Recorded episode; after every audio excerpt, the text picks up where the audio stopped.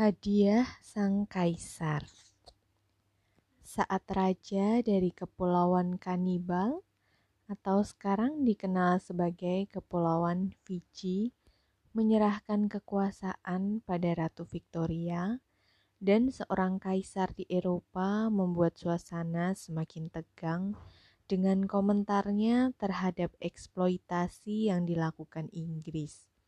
Masyarakat Inggris merasa marah sekaligus terkejut karena hal semacam itu tidak biasa terjadi.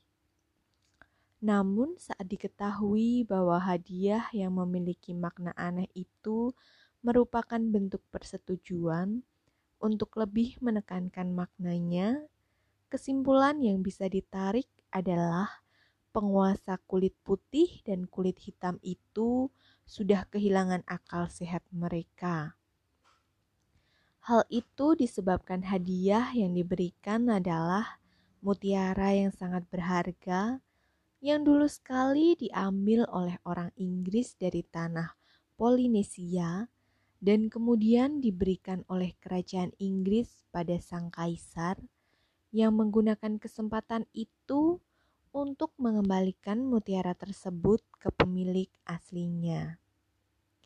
Insiden tersebut menjadi pemberitaan besar di media massa selama beberapa minggu.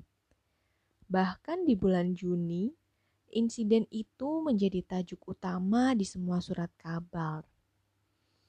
The Daily Chronicle mendedikasikan setengah halaman untuk menampilkan foto pulau yang menawan itu lengkap dengan artikel yang menyindir pemerintah. Aku sendiri ikut menulis beberapa puisi sindiran yang membuatku mendapatkan posisi cukup penting dalam dunia surat kabar.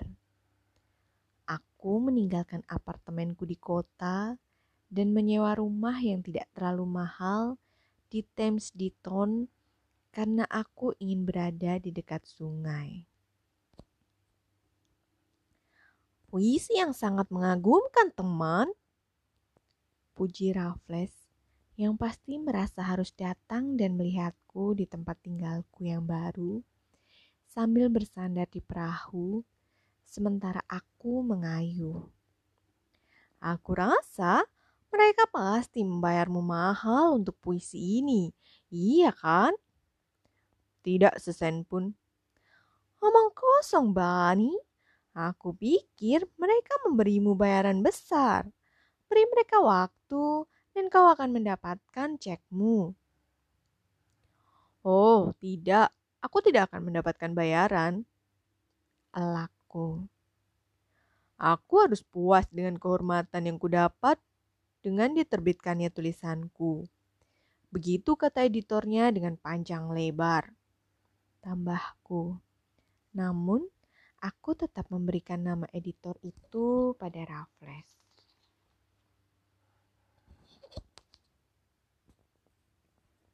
Maksudmu, kau ingin menulis untuk mendapatkan bayaran?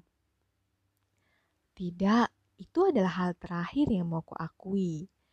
Namun, Memang itulah yang kulakukan. Tidak ada gunanya aku terus menutup-nutupinya.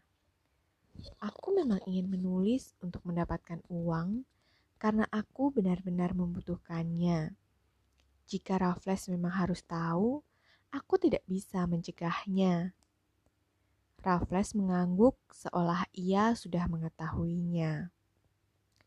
Tidak mudah untuk bisa hidup layak hanya dengan menjadi penulis lepas.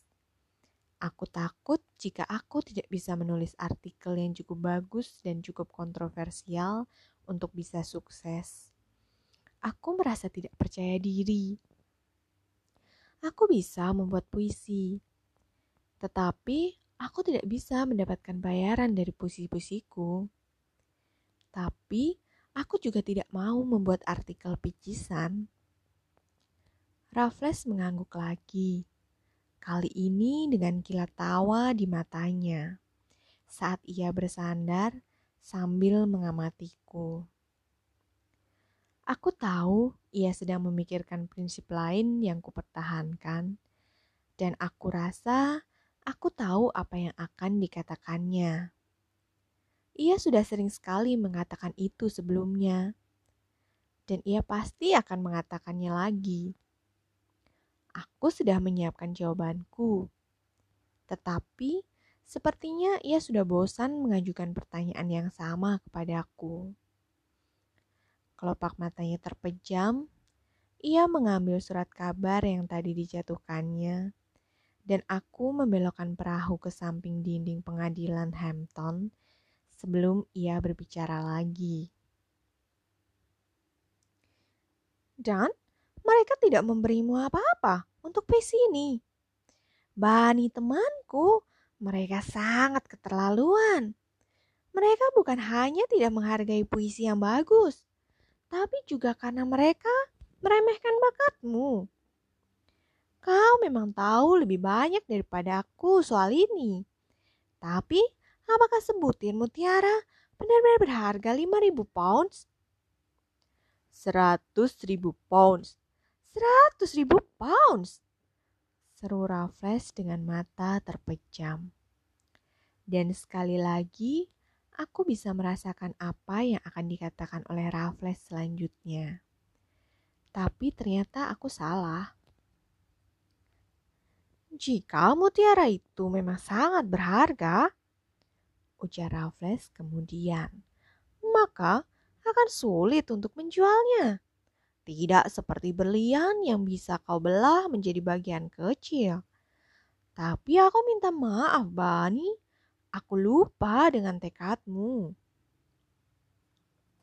Dan kami tidak lagi membahas tentang hadiah sang kaisar karena harga diri tumbuh subur dalam kantong yang kosong dan kemiskinan seperti apa pun tidak akan bisa memaksaku untuk menyinggung tawaran yang kupikir akan diberikan Raffles kepadaku.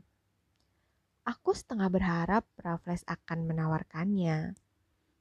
Tapi tidak ada satupun dari kami yang membicarakan apa yang menurut pengakuan Raffles telah dilupakannya. Pertobatanku.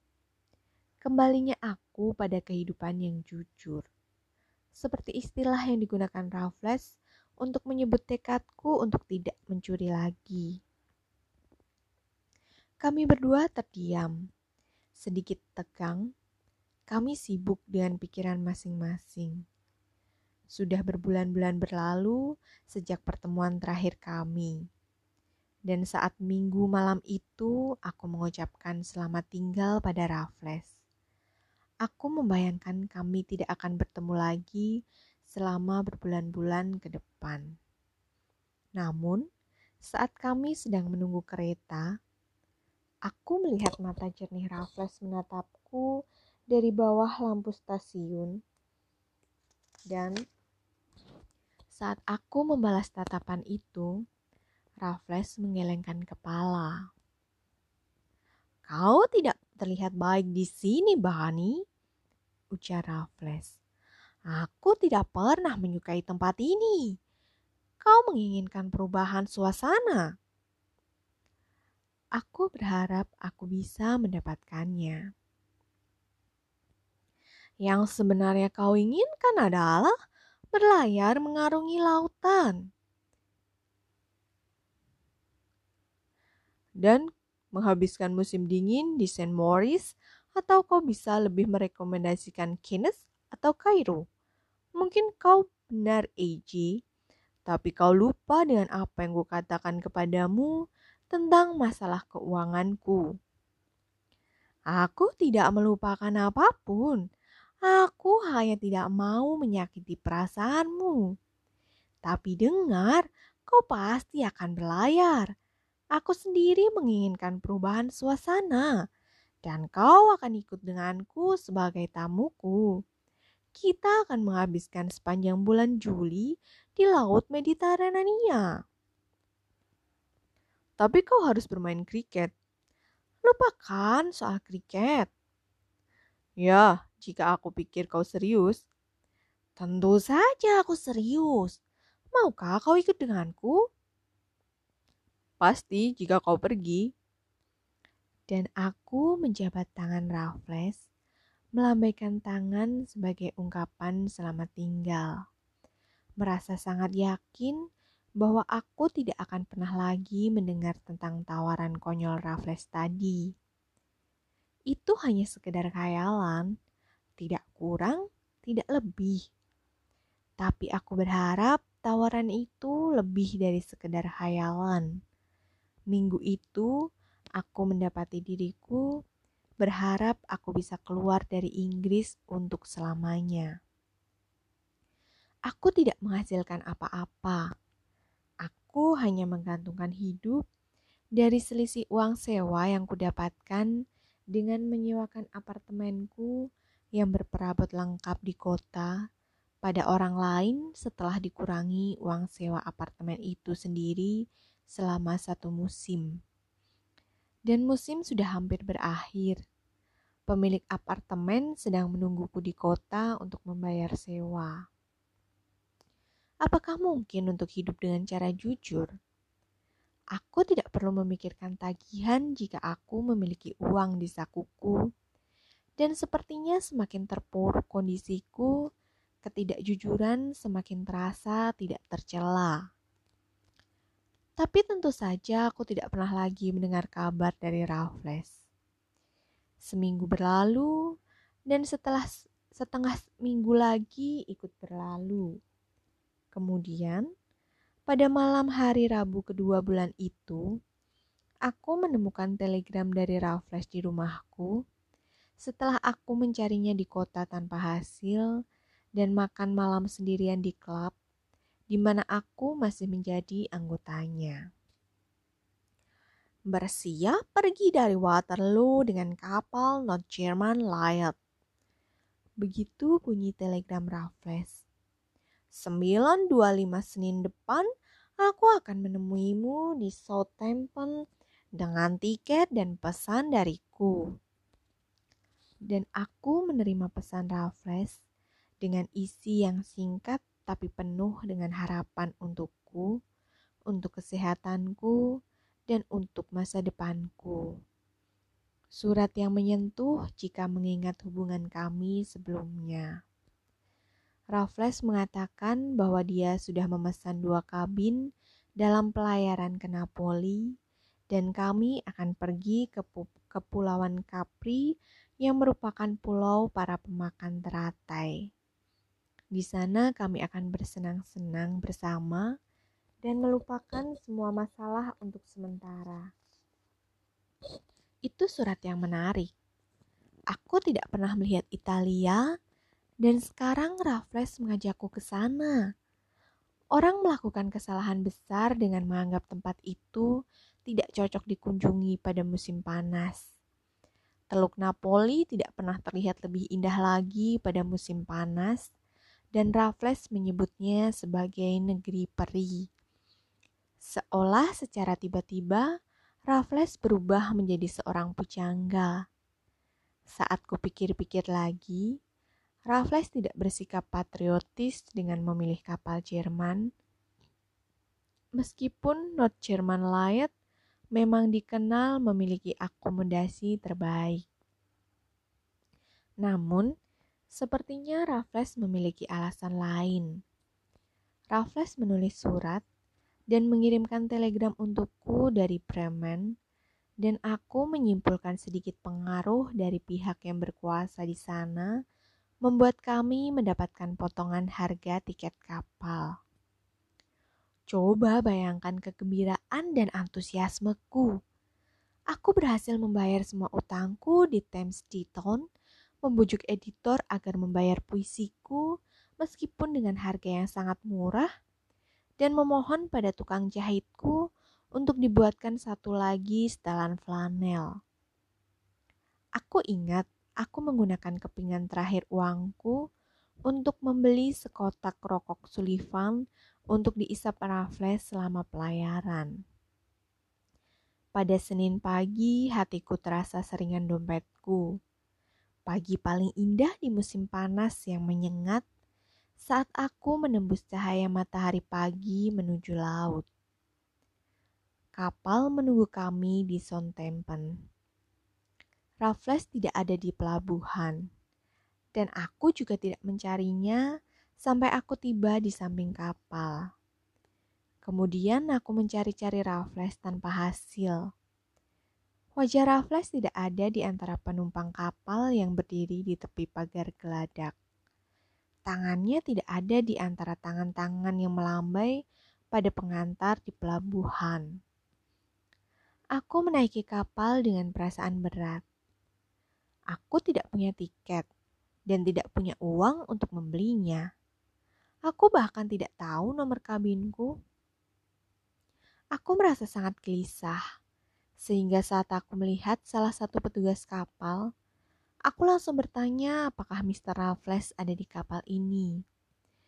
Syukurlah ia ada. Tetapi di mana? Petugas itu tidak tahu. Dan sepertinya petugas itu sedang terburu-buru untuk menjalankan tugas lain. Aku tidak melihat tanda-tanda keberadaan Raffles di geladak atas ataupun di bar yang ada di bawah. Sedangkan ruang merokok hanya diisi oleh seorang pria Jerman berkumis merah. Raffles juga tidak ada di kabinnya, yang lokasinya ku ketahui dengan bertanya di sana-sini. Tetapi melihat nama Raffles di kopernya bisa sedikit menenangkanku. Lantas, mengapa Raffles tidak muncul? Aku sendiri tidak tahu. Dan hanya Raffles lah yang bisa memberikan penjelasan. Jadi, di sanalah kau berada. Sejak tadi aku mencarimu di seluruh penjuru kapal. Meskipun kemungkinannya kecil, aku mencoba mencari di anjungan kapal sebagai usaha terakhirku, dan ternyata di sanalah Raffles berada, sedang duduk di bawah jendela atap dan bersandar di salah satu kursi panjang bersama seorang gadis yang mengenakan rok dan mantel putih gadis berkulit pucat, berambut gelap, dan memiliki mata yang indah.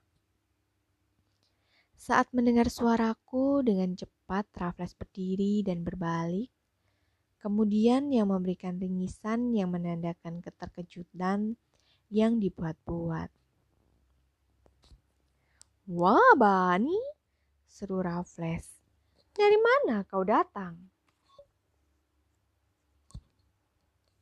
Aku menggumamkan sesuatu saat Raffles mencubit tanganku.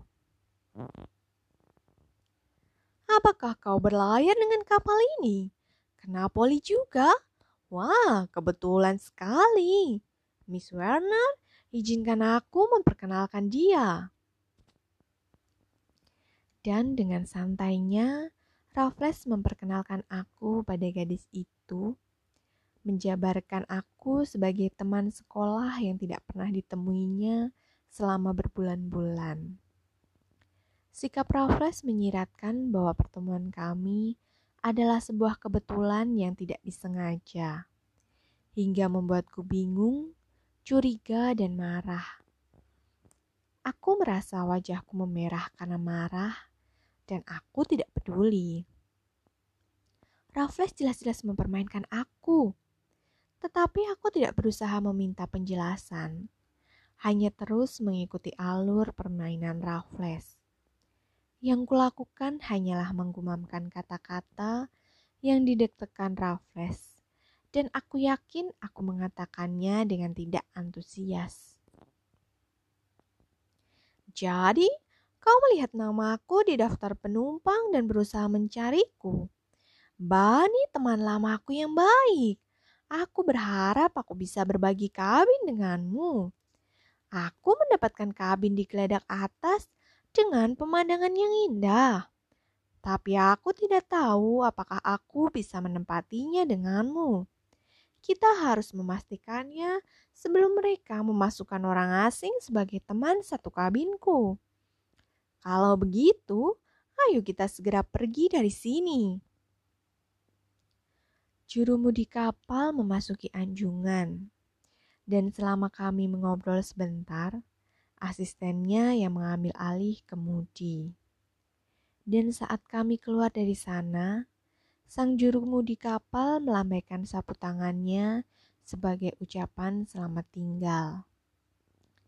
Kemudian kami berpisah dengan Miss Werner di geladak atas yang diikuti oleh suara mesin yang menandakan pelayaran kami sudah dimulai. Pertemuan antara aku dan Raffles tidak diawali dengan menyenangkan. Di geladak, Raffles menanggapi kebingunganku dengan sikap ramah dan ceria. Tetapi begitu kami berada di kabinnya, topengnya segera terlepas. Dasar kau bodoh, bentak Raffles. Kau mengacaukan rencanaku lagi. Bagaimana caranya aku bisa sampai mengacaukan rencanamu? Aku mengabaikan nada suara Raffles yang menghina. Bagaimana? Aku pikir orang bodoh sekalipun bisa mengerti bahwa seharusnya kita berpura-pura bertemu secara kebetulan. Setelah kau mengambil sendiri tiketmu dan tiketku, mereka tidak tahu itu. Lagi pula, saat itu aku belum memutuskan kapan aku akan mengambil tiketnya. Kalau begitu, seharusnya kau memberitahu aku setelah kau memutuskannya. Kau menjalankan rencanamu tanpa sedikit pun menjelaskan kepadaku. Dan kau berharap aku bisa begitu saja mengikuti alur permainanmu. Bagaimana aku bisa tahu kau punya rencana? Aku telah berhasil membalikan keadaan. Raffles nyaris menundukkan kepalanya. Sebenarnya, Bani, aku tidak ingin kau tahu. Kau, kau kadang bisa sangat polos di usiamu yang sudah dewasa. Penghinaan itu membuatku marah. Tetapi tetap saja aku bisa dengan sangat mudah memaafkan Raffles. Jika kau takut menulis pesan untuk menjelaskan kepadaku, desakku, kau bisa memberiku petunjuk begitu aku menginjakan kaki di kapal ini. Aku pasti bisa mengerti. Aku tidak sebodoh dan sepolos yang kau kira. Apakah itu hanya sekedar imajinasiku atau Raffles memang terlihat sedikit malu? Jika benar begitu, maka kejadian yang pertama dan yang terakhir selama bertahun-tahun aku mengenalnya. Tetapi aku juga tidak yakin. Sebenarnya, ujar Raffles, rencana aku adalah berbaring menunggu di kabinku dan memanggilmu saat kau lewat. Tapi, tapi kau terlalu sibuk. Begitulah. Dengan Miss Werner yang cantik, dia memang cukup cantik. Sebagian besar gadis Australia memang cantik, kataku. Dari mana kau tahu dia gadis Australia? Tanya Raffles. Aku mendengarnya bicara. Bodoh, seru Raffles sambil tertawa. Pita suaranya sama sepertimu. Keluarnya, keluarganya berasal dari Jerman. Dia bersekolah di Dresden dan dia pergi berlayar seorang diri. Dia punya banyak uang? Tanyaku. Memalukan sekali kau, seru Raffles meskipun sambil tertawa.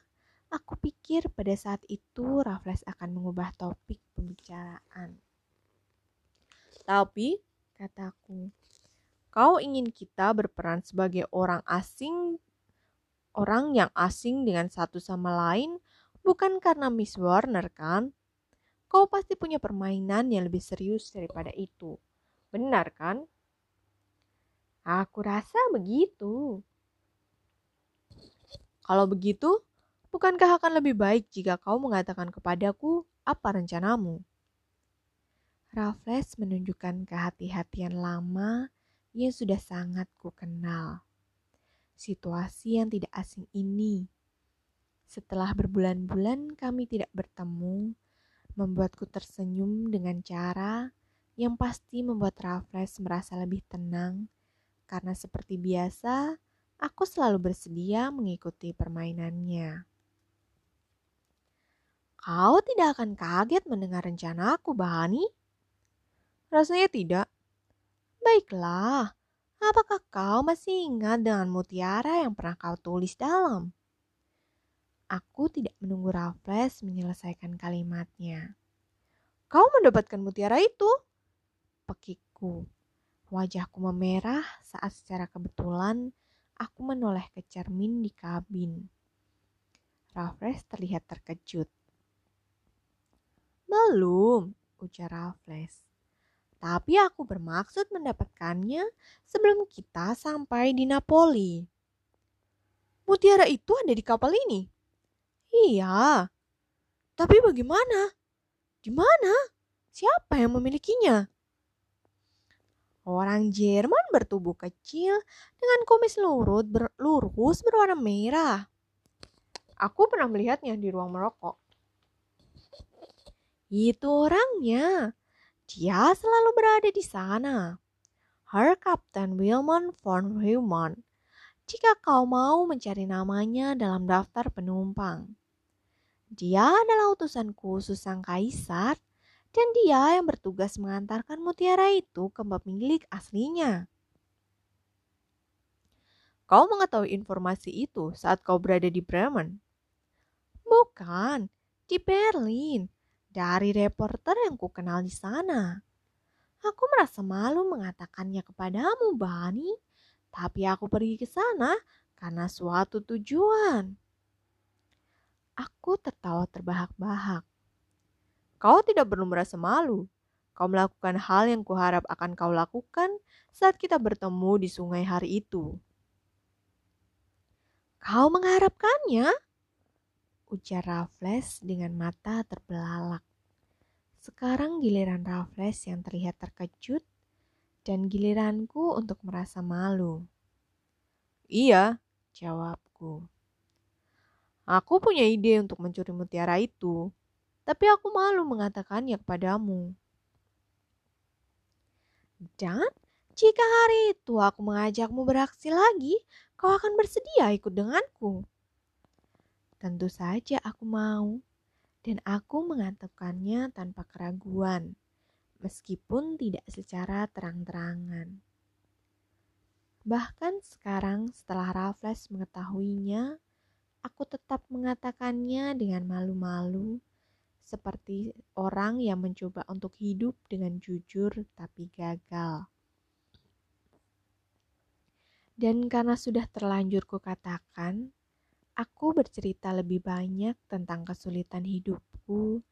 Dengan lancar aku menceritakan bagian demi bagian perjuanganku yang sia-sia serta kegagalanku yang tak terelakkan.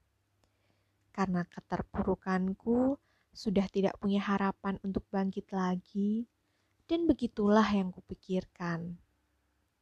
Itu adalah kisah klasik seorang pencuri yang mencoba berubah menjadi orang jujur, tetapi keinginan itu bertentangan dengan hukum alam dan mustahil terwujud. Raffles sangat tidak setuju denganku. Ia menggelengkan kepalanya saat mendengar pandanganku yang konvensional. Kehidupan manusia seperti papan catur mengapa tidak menggonta-ganti posisi antara menjalankan pion hitam dan putih? Mengapa ingin menjadi satu atau lain hal, seperti nenek moyang kita di kehidupan nyata atau di karya fiksi kuno? Menurutku, Raffles menikmati semua sisi kehidupan dan lebih suka berada di sisi yang terang daripada yang gelap. Ia menganggap pikiranku sangat konyol tapi kau tumbuh di lingkungan yang baik, Bani, dengan orang-orang yang menjunjung tinggi moral dan berkhotbah tentang omong kosong yang sama. Virgil adalah pelanggaran pertama dan terburuk dari kalian semua. Aku sendiri bertekad untuk memanjat keluar dari Avernus kapan pun kau inginkan, dan cepat atau lambat aku akan keluar dari sana untuk selamanya. Aku tidak bisa membiarkan diriku kembali ke dunia keterpurukan.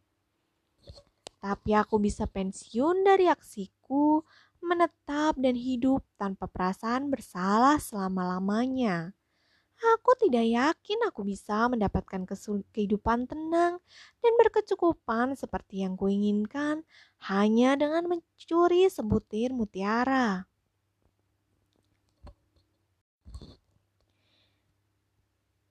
Virgil adalah Publis Vergilius Maro 15 Oktober 70 sebelum Masehi sampai 20 September 19 sebelum Masehi. Biasa disebut dengan nama Virgil atau Vergil. Adalah seorang pujangga Romawi pada periode Augustan. Augustan ia dikenal luas karena tiga karya besarnya dalam kesusastraan Latin, The Eclogues, The Georgics, dan Epic Aeneid. Karya Virgil memiliki pengaruh besar dalam kesusastraan barat, yang paling mencolok tampak dalam Divine Komedi karya Dante, di mana Virgil digambarkan sebagai pembimbing Dante melewati neraka dan api penyucian.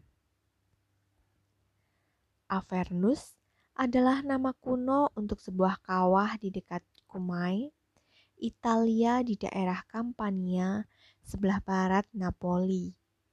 Tempat ini memiliki keliling sekitar 2 mil. Di tengah kawah ini terdapat danau Avernus, Lago de Averno. Avernus dipercaya sebagai pintu masuk menuju dunia bawah atau underworld dan diceritakan dalam Aeneid karya Virgil. Di tempat ini ada sisa-sisa kuil Apollo dan Jupiter. Kalau begitu, kau masih menganggap mutiara itu tidak terlalu berharga untuk dijual? Akan butuh waktu berbulan-bulan untuk bisa menjualnya. Dan astaga, itu akan menjadi pembicaraan di seluruh Pasifik. Ya, pertama-tama kita harus mendapatkan dulu mutiara itu. Apakah font siapa itu namanya orang yang berbahaya? Lebih berbahaya dari kelihatannya dan sangat tangguh. Saat Raffles berbicara, aku melihat mantel putih berkibar melewati pintu kabin yang terbuka dan aku sempat menangkap sekilas kumis yang melengkung di wajah pemakainya. Tapi, apakah dia orang yang harus kita hadapi? Bukankah mutiara itu pasti disimpan di suatu tempat? Raffles berdiri di pintu, melihat keluar, kemudian berbalik lagi ke arahku sambil mendengus. Temanku yang baik, Apakah kau pikir semua orang di kapal ini tahu ada mutiara yang berharga di dekat mereka? Kau bilang mutiara itu seharga seribu, seratus ribu pounds. Di Berlin, mereka bilang mutiara itu sangat berharga. Aku bahkan ragu kapten kapal tahu bahwa von Holman membawa mutiara berharga itu di kapal ini. Dan dia memang benar-benar membawanya? Pasti. Kalau begitu, kita hanya harus berurusan dengannya. Raffles menjawabku tanpa kata-kata. Kelebatan putih itu lewat sekali lagi dan Raffles melangkah keluar dari kabin. Aku tidak akan meminta berlayar di kapal uap yang lebih bagus daripada kapal Northern Light bertemu dengan orang yang lebih ramah daripada kapten kapalnya, atau dengan orang-orang yang lebih baik daripada awak kapalnya. Aku mau mengakui itu dengan rendah hati, namun aku membenci pelayaran ini. Kebencianku itu bukan karena kesalahan dari orang-orang di kapal, bukan pula kesalahan cuaca yang kebetulan sangat tenang dan ideal untuk berlayar Bahkan di dalam hatiku tidak tersimpan alasan mengapa aku membencinya. Hanya saja akhirnya aku dan hati nuraniku memutuskan untuk berpisah. Dan keputusan itu sudah bulat. Dengan perginya hati nuraniku, maka lenyap pula semua keterkejutan ketakutanku. Dan aku siap untuk bersenang-senang di antara langit yang cerah dan laut yang berkilauan dengan hati seringan yang dirasakan Raffles. Namun, ternyata Raffles sendiri yang membuatku tidak bisa bersenang-senang. Raffles tidak sendirian. Raffles dan gadis itu melakukan pelayaran pulang setelah menyelesaikan sekolah. Apa yang dilihat Raffles dari gadis itu? Tapi itu pertanyaan yang konyol. Tentu saja Raffles tidak melihat sesuatu yang lebih daripada yang kulihat. Tapi untuk membuatku kesal atau mungkin untuk menghukumku atas tindakanku yang menjauh darinya untuk waktu yang cukup lama. Dia merasa harus mengabaikan aku dan memfokuskan perhatiannya pada gadis itu sepanjang perjalanan dari Southampton ke Mediterania. Mereka selalu bersama. Situasi itu sangat konyol. Mereka akan bertemu saat sarapan dan terus bersama sampai pukul 11 atau 12 malam. Tidak ada hari tanpa mendengar tawa sengau gadis itu atau suara lembut Raffles yang mengatakan omong kosong ke telinga gadis itu. Tentu saja yang dikatakan Raffles hanyalah omong kosong. Apakah masuk akal jika pria seperti Raffles dengan pengetahuannya tentang dunia dan pengalamannya dengan wanita, atau sisi karakter Raffles yang dengan sengaja tidak pernah kusinggung karena butuh satu buku tersendiri untuk membahasnya. Bisa membicarakan hal serius dengan seorang gadis manja yang baru lulus sekolah. Aku rasa aku harus mengakui bahwa Mr. Werner memang memiliki kelebihan. Matanya memang indah, dan bentuk wajahnya juga menawan. Jika sekedar kontur wajah saja bisa dianggap sebagai daya tarik. Aku akui gadis itu juga memiliki keberanian lebih dibandingkan sebagian besar gadis lain. Dengan kesehatan prima, semangat, dan vitalitas. Aku mungkin tidak punya kesempatan untuk melamporkan pidato gadis muda itu. Tidak akan ada orang yang sanggup mendengarnya. Dan itu sebabnya aku tidak yakin aku bisa menjabarkan gadis itu secara adil. Aku menyadari bahwa aku memiliki sedikit prasangka terhadapnya. Aku tidak menyukai kesuksesannya dalam memikat Raffles yang semakin hari semakin jarang kulihat. Mengakui sesuatu adalah hal yang baik, tetapi aku tidak mau mengakui bahwa yang kurasakan saat ini adalah kecemburuan. Yang jelas-jelas terlihat cemburu adalah orang yang ada di hadapanku. Kapten von Hauman memiliki kebiasaan memontir kumisnya hingga sekaku sepasang menara menggulung manset putihnya dari atas cincin yang tersemar di jarinya, dan menatapku dengan angkuh melalui kacamatanya yang tidak berbingkai. Seharusnya kami saling menghibur, tetapi kami tidak pernah berbicara pada satu sama lain.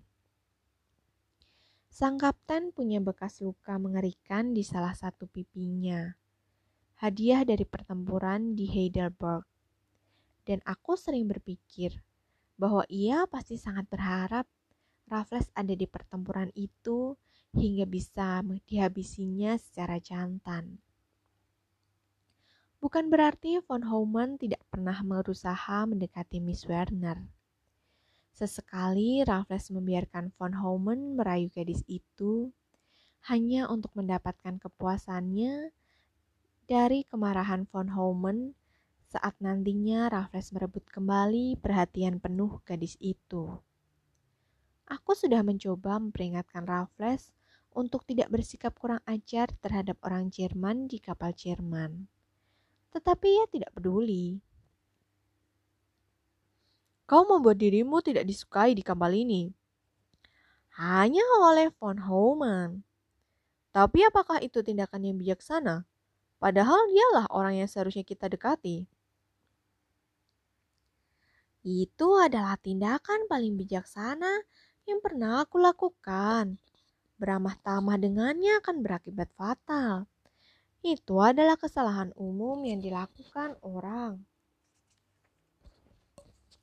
Aku merasa senang, bersemangat, dan puas.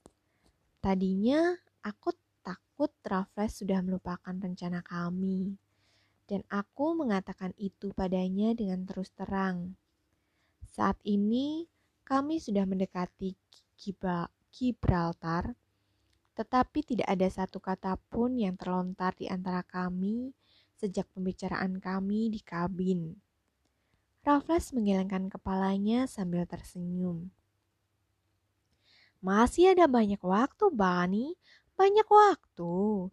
Kita tidak bisa melakukan apa pun sebelum kita sampai di Kinoa dan kita baru sampai di sana pada hari Minggu malam. Pelayaran kita masih panjang, dan kita juga masih muda. Nikmati semua yang ada selagi kita bisa. Pembicaraan itu berlangsung setelah makan malam di dek atas. Dan saat bicara, Raffles menoleh ke bagian depan dan buritan kapal, kemudian meninggalkan aku dengan langkah cepat. Aku pergi ke ruang merokok untuk merokok, membaca dan mengawasi von Hauman yang datang tidak lama setelah aku untuk meminum bir sampai mabuk. Hanya ada sedikit pelancong yang tertarik melihat laut merah pada pertengahan musim panas. Itu sebabnya kapal ini sangat kosong, meskipun begitu kabin digeledak atas, jumlahnya terbatas, dan itu yang menjadi alasan aku bisa berbagi kabin dengan Raffles. Aku bisa saja menempati kabin sendiri di geladak bawah, tetapi aku harus berada di atas. Raffles memaksaku untuk bersikeras dalam hal itu. Jadi kami bisa berbagi kabin tanpa terlihat mencurigakan. Meskipun aku tidak yakin ada yang keberatan dengan pengaturan itu. Pada hari Minggu sore, aku tertidur di kabinku di ranjang bawah saat tirai kabin ditarik-tarik oleh Raffles yang sedang, du sedang duduk di sofa dengan memakai kemeja tanpa lengan. Acilas bersantai di ranjangnya. Apa lagi yang bisa kulakukan? Tanyaku padanya sambil meregangkan tubuh dan menguap. Tapi aku menyadari keceriaan dalam suara Raffles dan aku berusaha sebaik mungkin untuk mencari tahu alasannya. Aku menemukan hal lain lagi yang menarik, Pani. Aku sudah tahu. Kau salah paham dengan maksudku. Aku punya informasi baru. Aku mengayunkan kakiku ke tepi ranjang dan duduk tegak memfokuskan seluruh perhatianku pada Raffles. Bagian dalam pintu kabin dalam keadaan tertutup dan terkunci. Tirainya juga tertutup rapat. Kita akan sampai di Genoa sebelum matahari terbenam, lanjut Raffles. Di sanalah aksi kita akan dijalankan. Jadi, kau masih berniat melakukannya? Memangnya Aku pernah mengatakan aku tidak jadi melakukannya. Kau jarang sekali membicarakannya. Itu memang disengaja, Bani temanku. Mengapa merusak perjalanan ini dengan membicarakan sesuatu yang belum saatnya dibicarakan? Tapi sekarang waktunya sudah tiba. Aksi kita harus dilakukan di Cinoa atau tidak sama sekali. Di daratan? Bukan, di atas kapal besok malam. Sebenarnya malam ini juga bisa. Tapi akan lebih baik jika dilakukan besok malam. Sekedar berjaga-jaga jika terjadi sesuatu yang tidak diinginkan. Jika kita terpaksa harus menggunakan kekerasan, maka kita bisa melarikan diri dengan menggunakan kereta paling pagi dan tidak akan ada yang tahu sampai kapal berlayar lagi dan von Homan ditemukan mati atau pingsan.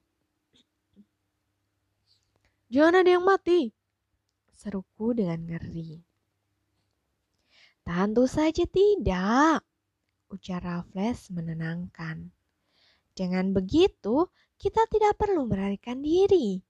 Tapi jika kita memang terpaksa harus melarikan diri, hari Selasa pagi adalah waktu yang tepat saat kapal ini bersiap untuk berlayar lagi. Tidak peduli apa pun yang terjadi, tapi aku tidak mengharapkan adanya kekerasan. Kekerasan menandakan ketidakbecusan yang parah. Selama bertahun-tahun kau mengenalku, seberapa sering kau melihatku melakukan kekerasan? Aku yakin tidak satu kali pun, tapi aku selalu siap untuk membunuh setiap kali beraksi. Jika terjadi situasi yang buruk, aku bertanya pada Raffles bagaimana caranya ia bisa memasuki kabin Van Homen tanpa diketahui? Dan meskipun tidak meskipun tirai kabin kami tertutup, aku bisa melihat wajah Raffles yang berseri-seri. Naiklah ke atas ranjangku, Bani, dan kau akan melihatnya. Aku melakukannya, tetapi aku tidak melihat apa-apa. Raffles mengulurkan tangannya ke depanku dan mengetuk ventilasi udara. Semacam pintu kecil di dinding yang terpasang di atas ranjangnya dengan panjang 45 cm dan tinggi 25 cm. Lubang ventilasi itu terbuka ke sebuah lorong udara yang sempit, tapi masih cukup untuk dilalui manusia. Itu, ujar Raffles, adalah pintu kita menuju harta yang berharga. Bukalah jika kau mau. Kau tidak bisa melihat banyak karena pintu itu belum terbuka sepenuhnya. Tapi jika kau mengendurkan beberapa baut, kau akan bisa melihat kebaliknya dengan jelas. Lorong ventilasi yang ada di baliknya tidak berujung. Kau melewati bagian bawah lorong itu setiap kali kau pergi ke kamar mandi, dan bagian atasnya adalah jendela atap di anjungan kapal. Itu sebabnya Aksi kita harus dilakukan selama kapal ini berada di Genoa, karena begitu kapal memasuki pelabuhan, tidak akan ada orang yang berjaga di anjungan. Lubang ventilasi udara yang ada di sebelah seberang kita adalah lubang ventilasi kabin von Homan. Itu berarti kita hanya perlu membuka bautnya untuk bisa masuk ke dalam kabin tersebut. Dan ada palang untuk berdiri selama kita beraksi. Tapi bagaimana jika ada seseorang yang menengadah? Hampir tidak mungkin ada orang di bawah. Itu sebabnya kita harus mengambil kesempatan ini. Tidak, aku tidak bisa memintamu berada di sana untuk memastikan. Akan sangat penting bagi aksi kita untuk tidak ada satupun dari kita yang terlihat pada saat kejadian. Sepasang pemuda biasa berpatroli di geladak atas, dan mereka akan menjadi saksi kita. Astaga, ini akan menjadi misteri terbesar yang pernah ada. Jika Van Homan tidak melawan, melawan, dia tidak akan bisa melakukannya. Dia minum terlalu banyak bir untuk bisa terbangun dalam waktu dekat ini dan selalu ada kloroform yang bisa kita gunakan untuk memastikan dia tidak tersadar saat kita sedang beraksi. Kau sendiri pernah menggunakannya, tapi rasanya tidak adil jika aku mengingatkanmu pada kejadian itu. Von Homan akan tertidur lelap segera setelah aku membuka ventilasi udaranya. Aku bahkan bisa merangkak di atas tubuhnya Bani dan dia tidak akan mengetahuinya.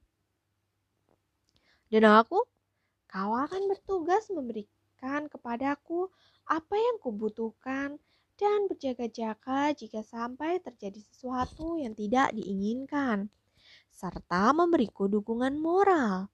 Dukungan moral sangat penting, Bani, dan aku merasa sulit beraksi tanpanya setelah kau bergabung denganku.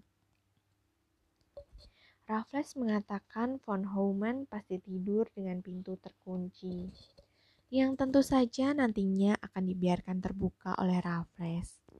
Selain itu, Raffles juga akan meninggalkan tanda-tanda ada orang luar yang datang untuk mencuri di kabin tersebut. Raffles tidak khawatir mereka akan kerepotan mencari lokasi mutiara itu disimpan. Mutiara itu pasti berada tidak jauh dari von Homan. Bahkan Raffles tahu dengan pasti di mana mutiara itu disimpan.